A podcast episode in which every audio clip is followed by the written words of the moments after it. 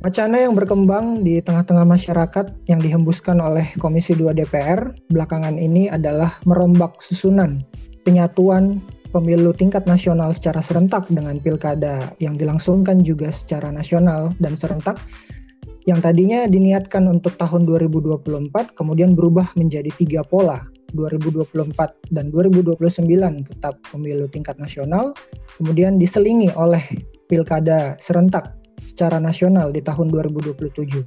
Lalu bagaimana implikasi dan dampaknya kepada berbagai sektor, tak terkecuali kebijakan publik?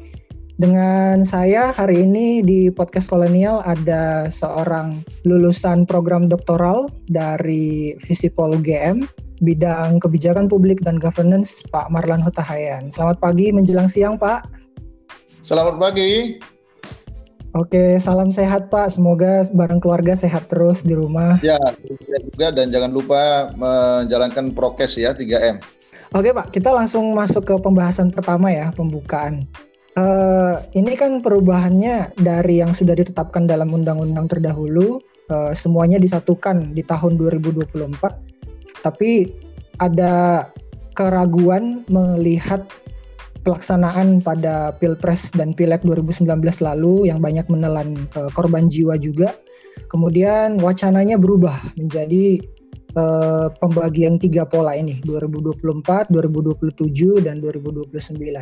Bapak sendiri secara pribadi melihat uh, wacana yang berkembang di Komisi 2 ini seperti apa, Pak? Monggo.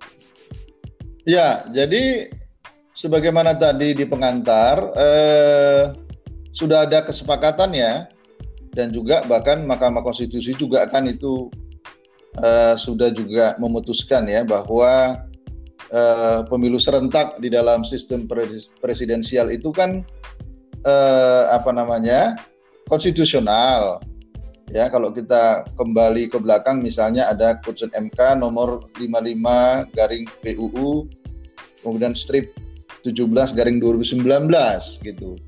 Nah, jadi hakikatnya dulu bahwa sudah disepakati pilkada itu serentak itu. Dalam arti baik pemilihan presiden, pemilihan uh, anggota-anggota DPR, DPD, DPRD, dan juga kepala-kepala daerah, gubernur dan bupati wali kota itu serentak di tahun 2024. Itu makanya kalau kita lihat beberapa kali pilkada itu kan dibagi tiga fase ya. Iya. Fase pertama dulu sudah dilakukan, ini fase yang ketiga dengan memotong eh, masa jabatan. Ya, jadi eh, para kepala daerah yang terpilih di pilkada besok tanggal 9 Desember 2020 itu kan masa jabatannya kan sampai tahun 2024 aja. Ya, sehingga dengan demikian plus minus kan masa jabatannya kan tiga tahun tuh. Seluruh pemilihan itu baik pilpres maupun uh, kepala daerah dan juga legislatif ya DPR, DPD dan DPRD itu diselenggarakan secara serentak. Hanya memang di dalam keputusan MK itu kan pengertian serentak itu kan belum di breakdown ya kalau saya tidak silap itu apakah pada tanggal yang sama semuanya atau berbeda secara bulan gitu ya atau berbeda secara apa gitu. Nah, jadi sebenarnya hakikatnya itu dulu yang perlu di, di apa dipatuhi gitu loh. Supaya kita punya kepastian gitu. Nah, kalau argumennya kemudian tadi dikatakan bisa serentak itu 2000 dipecah tadi ya. 2024 terus 2000 2027. Menurut saya sih setelah itu maka nanti malah kita tidak ada kepastian hukum gitu kan atau 2000 2009 gitu ya maksudnya tadi ya? Iya, Pak.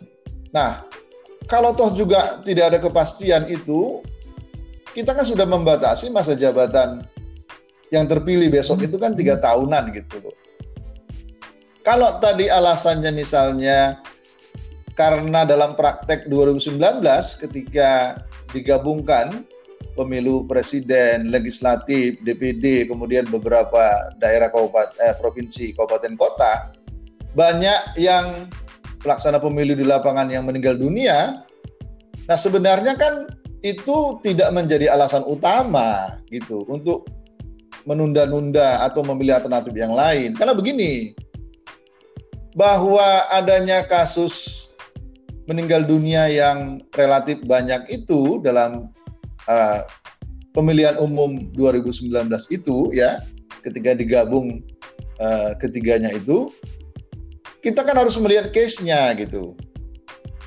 Dalam arti begini, dalam analisis kebijakan itu kan ada dikatakan bahwa uh, akar masalahnya itu apa? Mengapa mereka sampai banyak yang meninggal? Meskinya kan sudah ada prediksi bahwa dengan cara menggabung ini bahwa stamina seorang anggota uh, eh, TPS itu ya, iya pak, itu kan meskinya kan sudah harus dipersiapkan kian. Misalnya begini, bahwa bisa saja dilakukan uh, sip-sipan gitu loh. Kalau tadinya kita memprediksi akan apa namanya uh, di sini diperlukan panitia yang yang secara fisik itu sehat gitu. Tapi kalau kita lihat case by case misalnya, kan ada itu misalnya panitianya memang yang sudah ada penyakit bawaan, ya kan? Kalau kita baca beritanya itu ada juga yang waktu itu kalau nggak salah ada yang dalam keadaan hamil gitu ya? Iya. Jadi eh, proses kesehatan itu yang kita dulu abai gitu loh. Ya, abai kita terhadap proses kesehatan dari panitia, panitia terutama di tingkat uh, eh, TPS gitu. Karena kan penghitungan suaranya sampai malam ya. Di 2014 ya. uh, walaupun di tahun yang sama penyelenggaraan pileg dan pilpres ya. tapi beda bulan. Jadi tidak ada pautnya. Betul. Nah, ini yang sebetulnya gitu. Jadi akarnya kan di situ. Jadi ketika ada yang meninggal itu akarnya kan di mana itu? Bukan karena pemilihan itu digabung. Saya pikir nggak seperti itulah logika berpikirnya. Nah, kalau saya melihat kenapa muncul lagi ide pilihan selain 2024 ya itu kan begini, dalam praktek di 2019 itu kita melihat ketika Pilpres digabung dengan uh, pelaksanaannya digabung dengan uh, pemilihan legislatif misalnya ya, ataupun kepala daerah, gubernur dan uh, bupati wali kota. Ini kan tenggelam ini ya. Saudara Jonathan ini kan tenggelam ini uh, apa kampanye pileknya kan tenggelam ini. Iya, iya. Tenggelam oleh uh, kampanye presidennya sendiri gitu.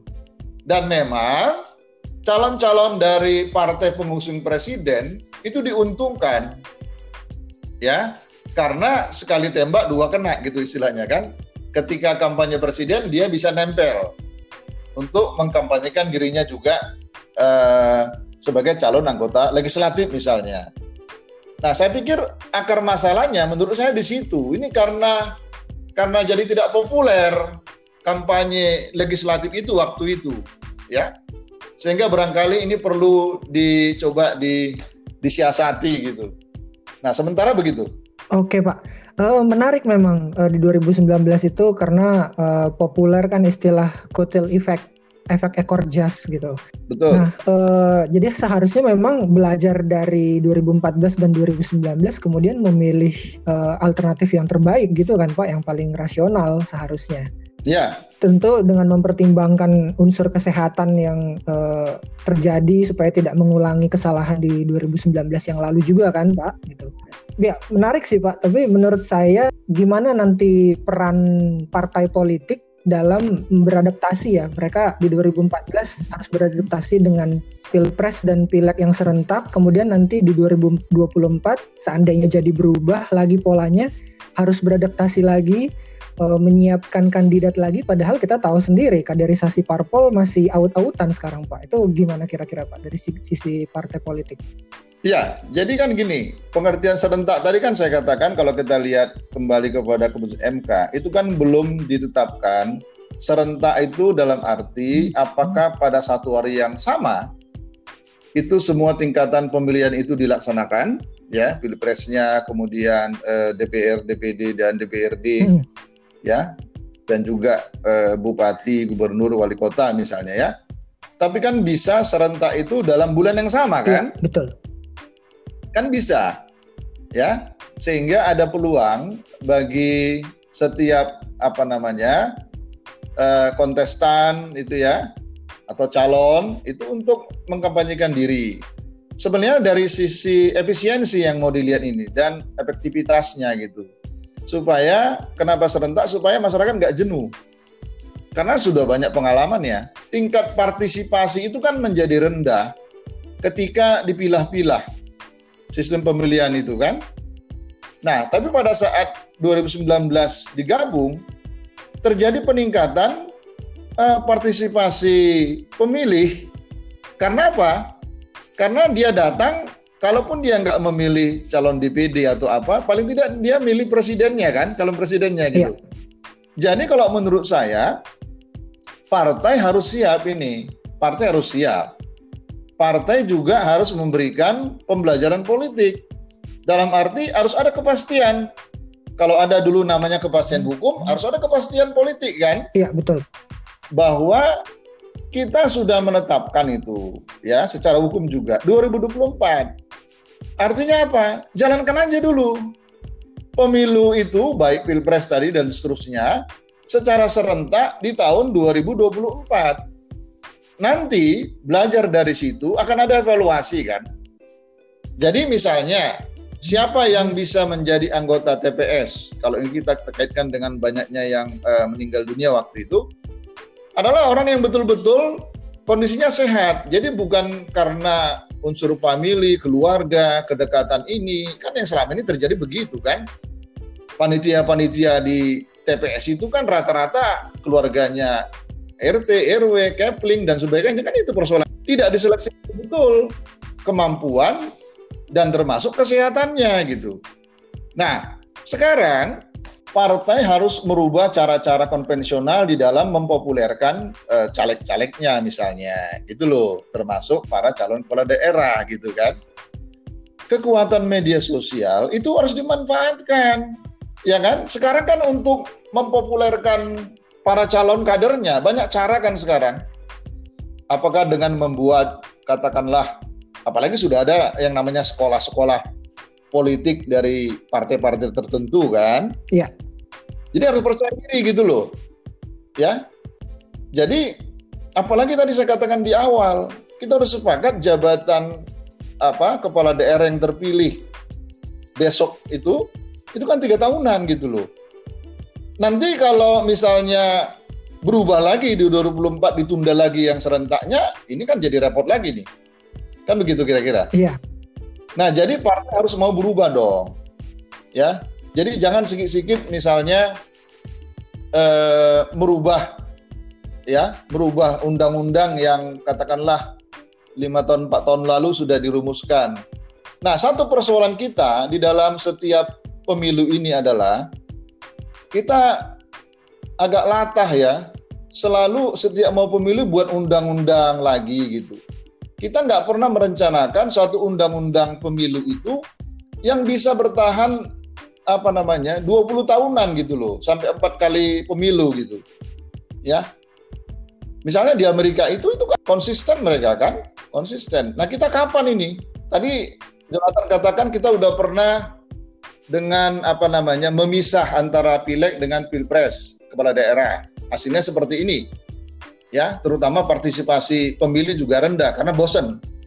Kita udah pernah melakukan bersamaan 2019 Hasilnya partisipasi naik, tetapi ada persoalan di calon partai-partai dalam pileg ini kan, yang tidak populer jadinya. Kan gitu. Yang diuntungkan adalah calon yang berafiliasi dengan uh, dukungan terhadap capres pada saat itu. Nah ini kan katakanlah dua atau tiga model sudah pernah kita terapkan. Nah ini ke depan kita terapkan aja serentak semua. Kalau 2019 kan belum semua itu kepala daerah, ini sekarang semua. Ya, jadi secara anggaran pun itu terselamatkan. Bayangkan itu, berapa anggaran yang terselamatkan. Coba dihitung aja dulu. Jadi jangan dihitung keinginan partai aja dong. APBN kita juga harus diselamatkan. Kira-kira begitu, Jonathan. Baik Pak, saya setuju tuh dengan dengan uh, argumen pamungkas Bapak tadi saya setuju sekali. uh, yeah. Oke okay, Pak, ini kita lanjut ya dalam relasi dengan partai politik yeah. yang tadi nih. Kemarin kemarin banget saya baru baca paper terbaru dari Raja Ratnam School of International Studies di Singapura di NTU. Uh, mm-hmm. Ada akademisi orang Indonesia memang dia bikin penelitian tentang uh, independent candidates in local Indonesian politics. Jadi dia menelaah, mendedah gimana uh, tipikal atau tipologi dari kandidat-kandidat independen yang berlaga setidaknya di level kepala daerah di pilkada gitu Pak. Dan saya menemukan satu fakta yeah. menarik bahwa uh, dari hasil penelitian dia bahwa uh, dari tiga fase yang kita lewati di pilkada serentak ini mulai tahun 2015 yang mendominasi pencalonan independen itu masih uh, insider politik sebetulnya bukan apa orang yang sebenarnya sudah berkecimpung lama di politik tapi tidak kebagian kendaraan Betul. partai kemudian memilih untuk yeah. maju lewat independen. Jadi independen juga tidak menjamin hadirnya calon alternatif dari outsider seperti Jokowi dulu gitu Pak. Nah e, kalau menurut Bapak sendiri menganalisa e, potensi untuk kandidat independen ini, e, apakah terlepas ya terlepas dari pola mana yang digunakan, apakah wacana yang sekarang berkembang atau e, tetap dengan keputusan sebelumnya, e, apakah nanti kandidasi lewat jalur independen ini bisa semakin terakomodasi untuk menciptakan calon alternatif atau gimana Pak? Harapan kita kan begitu jadi ingat ya, historis dari calon independen ini kan karena uh, keputusan apa judicial review ya, ya. Dari satu undang-undang uh, apa namanya pilkada, ya nanti bisa di search itu dari seseorang yang keberatan untuk apa? Untuk uh, mendobrak uh, oligarki oligarki partai kan? Karena partai tidak berkeinginan ada tanda kutip saingan mereka di dalam kontestasi pemilihan kepala daerah. Itu perlu kita catat dulu itu. Hasil judicial review itu yang memperbolehkan. Akhirnya setelah itu diperbolehkan oleh MK, ya calon indep, calon apa namanya? Sebetulnya bukan independen namanya, calon perseorangan di dalam undang-undang itu. Ya. Cuma kadang-kadang kita ikut seperti di luar negeri calon independen ya, tapi kan sebenarnya calon perseorangan itu namanya, artinya yang bukan karena dukungan partai. Nah, ketika MK sudah memenangkan judicial review itu, maka partai-partai politik pada saat itu kemudian membuat strategi baru, yaitu apa? Dengan memperberat, memperberat syarat ya menjadi calon kepala daerah dari perseorangan. Coba lihat saja lah itu syaratnya itu. Itu kan gila-gilaan syaratnya itu. Ya, jumlah apa namanya eh, kartu penduduk yang harus dikumpulkan itu. Ya, jadi ini kan kepalanya di, dilepas, ekornya kan dipegang iya. itu kan, istilahnya itu kan. Nah ini karena apa?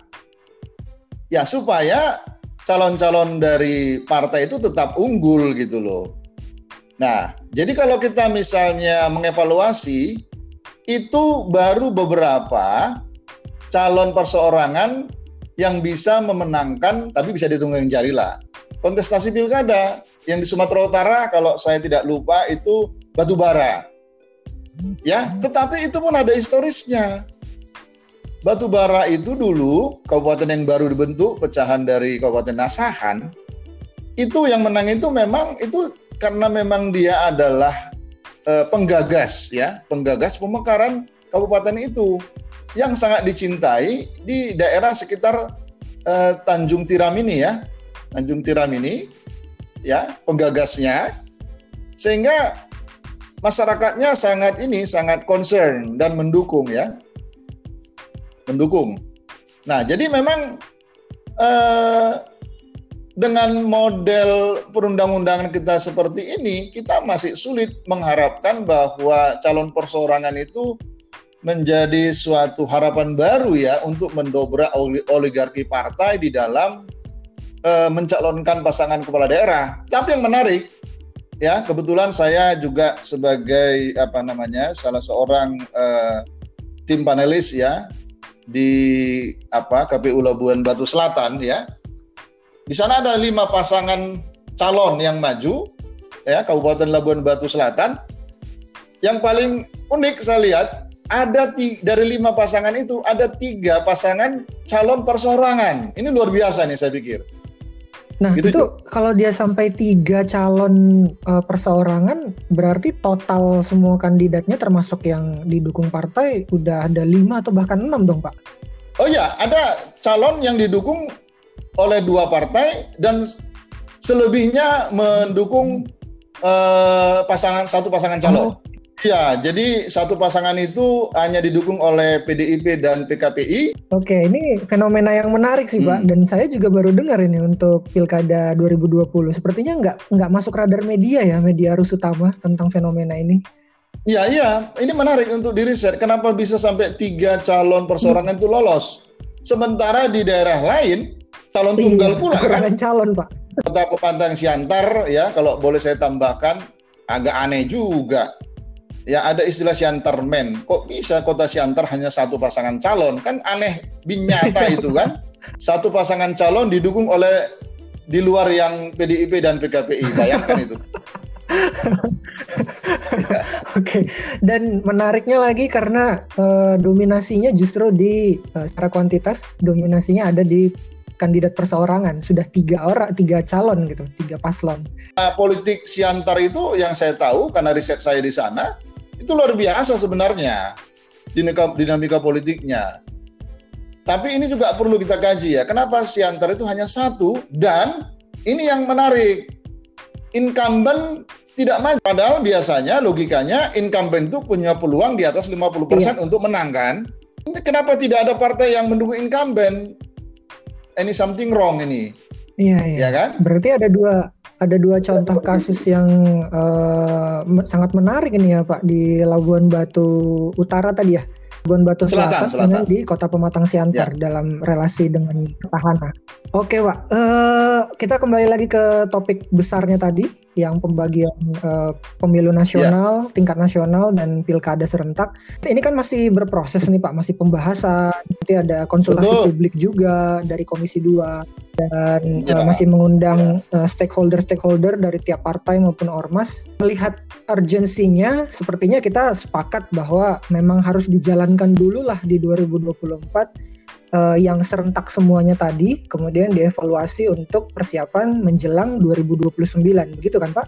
Oke. Okay. Iya, iya. Jadi iya. Uh, dari sisi partai politik uh, harus ada perubahan yang mendasar karena memang waktunya sudah sangat mendesak. Lalu ada juga potensi yang hadir dari sisi kandidat perseorangan.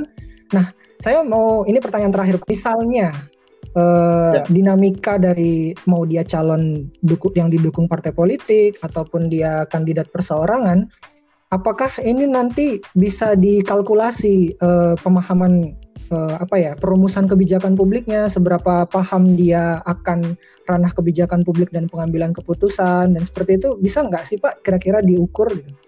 Ya, jadi begini apa nih? Akan demokrasi kita ini kan banyak orang mengatakan apa namanya ya eh, apa namanya istilah itu yang yang apa namanya itu yang yang yang selalu populer itu kan?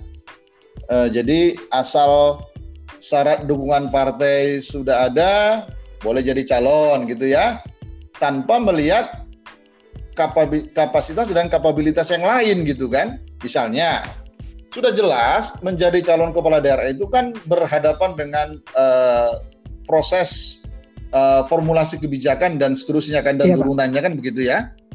Baik untuk yang calon diusung oleh partai politik maupun oleh atau gabungan partai maupun perseorangan. Itu yang disebut tadi demokrasi prosedural, iya. gitu kita kan. Asal prosedurnya sudah di, dicukupin, ya sudah selesai tanpa melihat kapasitas kapabilitas seseorang itu. Misalnya pernah nggak dia uh, paham nggak dia uh, tentang kebijakan publik, formulasi kebijakan publik dan sebagainya dan sebagainya kan gitu ya. Nah, ini yang selalu kita tekankan kepada partai-partai tertentu memang supaya kader-kadernya itu pahamlah tentang uh, kebijakan publik gitu loh. Iya kan? Supaya nanti ketika dia menjabat dia tidak apalagi tidak uh, belajar lagi dari awal gitu. Makanya kalau ada sekolah-sekolah politik di tingkat partai, mestinya diajarkan itu, mulai dari formulasi, kemudian eh, bagaimana merumuskan masalah. Paling tidak dia paham gitu loh. Bukan harus teknisi dia tahu, dia paham karena dia akan berhadapan dengan itu. Karena DPR itu kan tugasnya kan fungsi anggaran dan legislasi yang dua itu kan selain pengawasan itu kan berkaitan dengan uh, public policy misalnya ya nah apalagi misalnya setelah jadi kepala daerah kan nggak mungkin lagi dia dapat bimtek bimtek tentang itu kan? Iya. Kan itu. Nah jadi memang uh, di sana ada di sana nanti ada staf ahli. Tapi staf ahli kan dari birokrat. Tidak ada staf khusus kan agak berat ya di tingkat uh, daerah itu walaupun bisa gitu ya. Tapi kan berat itu ya. Nah jadi kita harapkan ya tapi saya tidak tahu apakah bisa dicantumkan di dalam undang-undang pemilu yang akan datang ini adalah syarat-syarat tertentu yang memang harus uh, dipenuhi oleh para calon kepala daerah misalnya baik gubernur bupati wali kota yang terkait dengan eh, kapasitasnya pengetahuan tentang kebijakan publik gitu loh. Ya karena dia akan berhadapan dengan itu itu. Jadi jangan terlalu prosedural prosedural aja. Misalnya asal didukung partai, kemudian ya kapal kan gini menurut kalau wawancara dengan calon kepala itu ada ada kapasitas, integritas, ya kadang-kadang ada lagi yang terakhir itu isitas katanya kan. jangan jangan isi tas ini ya isi tas ini singkirkan ini gitu loh tapi kapasitas integritas profesionalitasnya dan ada ada peluang bahwa dia memajukan daerah. Itu yang penting. Ini untuk calon dari uh, partai maupun gabungan partai ya. Kalau perseorangan juga. Jangan hanya karena dia ya orang perseorangan kan harus punya modal juga kan? Ya memfotokopi KTP KTP itu kan nggak nggak gampang juga. Mengorganik mobilisasi massa itu iya, nggak iya, gampang juga gitu ya. Ada syarat itulah. Syarat eh, pengetahuan itu kalau sebelumnya ya menjadi pemimpin ya ini kembali ke sedikit ke zaman orde baru nggak apa-apa lah. Kan boleh kita mengambil hal yang baik ya. Untuk menjadi pimpinan-pimpinan tertinggi itu kan ada namanya masuk lemhanas dulu. Ya kan? Di sana belajar kepemimpinan, leadership dan juga public policy juga kan. Masuk dulu ke sana, ya. Jadi jangan kita jangan membayangkan dulu lah lagi-lagi Lemanas, Lemanas itu kan peninggal udah baru. Oh jangan, Lemanas itu ya kita reformasi saja kalau memang apa namanya eh, kita anggap ada yang kurang baik gitu loh. Nah sebaiknya ya contoh syarat yang saya katakan tadi menjadi kepala daerah minimal dia sudah apalah lulus Lemhanas dulu lah. Ya ini usul ya. saya ini, Jo. Karena penting kali. Kenapa? Ini persoalan kebangsaan NKRI. Jangan orang tiba-tiba jadi kepala daerah karena kita kan sistem ya. mayoritas minoritas kan dalam pemilihan itu kan. Siapa yang mayoritas itu yang menang. Jangan nanti jadi kepala daerah pemikirannya lokal. Kemudian apa ya? Kemudian uh, berbasis identitas gitu loh. Jadi pola pikir nasionalismenya rendah gitu. Nah, kalau dia sudah ikut Lemhanas, di sana kan dia akan dijelaskan, diajari ya, di treatment dengan persoalan-persoalan kebangsaan kan, NKRI misalnya gitu loh. Maksud saya begitu. Jadi Lemhanas itu kemudian menjadi menjadi penting bagi Republik ini di dalam rangka memberikan apa treatment bagi calon-calon pemimpin bangsa ini baik nasional maupun di tingkat daerah gitu loh. Maka saya katakan tadi terlalu prosedural, terlalu gampang kali orang jadi calon kepala daerah ya. Sementara menjadi guru SD saja katanya kan harus sarjana, harus sertifikasi guru supaya profesional, harus ini, ya kan? Sementara dari kepala daerah terlalu mudah menurut saya syaratnya ya kalau kita punya uang, eh menurut saya terlalu mudah ya, terlalu prosedural itu. Jadi itu, karena nanti di Lemanas itu semua di, di, digembleng itu. Ya, paling tidak rasa kebangsaannya itu sudah ter. Ini juga salah satu menangkal pemimpin supaya berwawasan kebangsaan. Itu. Baik Pak, Demikian, baik. Jo. Terima kasih loh.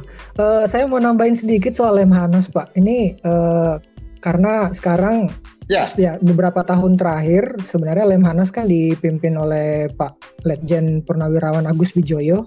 Dia jadi gubernur Lemhanas dan Betul. kebetulan putrinya itu teman satu komunitas saya di Bandung, Pak. Jadi kami cukup sering ngobrol gitu mulai dari kasus 65 pemikir di ya, bareng apa, di TNI uh, almarhum Agus Wirahadi Kusuma juga dulu Pak.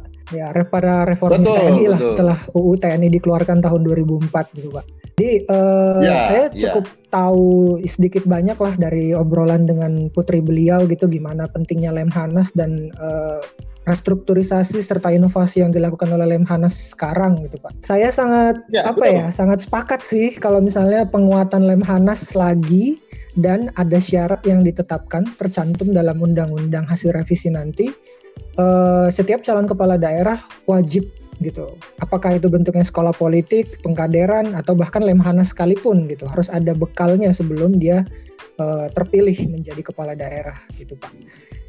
Iya, jadi bisa begini Jo, supaya jangan langsung di reject oleh partai politik, bisa saja paling tidak paling lama enam bulan setelah dilantik, ya dia mengikuti Lemhanas kalau belum ya. mengikuti Lemhanas kan gitu ya. Nah, nanti kalau kita bilang syarat di awal, pasti akan banyak penolakan kan oleh ya, itu partai politik permainan kan. kata-kata di dalam undang-undang nah, sebenarnya Pak. Katakan tadi, ya wawasan kebangsaan pemimpin-pemimpin di daerah ini perlu ini gitu loh karena begini kan seperti teori ikan itu ya kepalanya ikan itu iya. badannya busuk karena kepalanya kan tapi kalau kepalanya berpikir wawasan kebangsaan bahwa ketika saya menjadi kepala saya adalah kepala daerah untuk seluruh rakyat yang saya pimpin sehingga saya harus menjalankan apa namanya keadilan sosial Nah, itu baru bagus. Oke gitu, Pak, terima kasih banyak uh, sudah berbagi insight.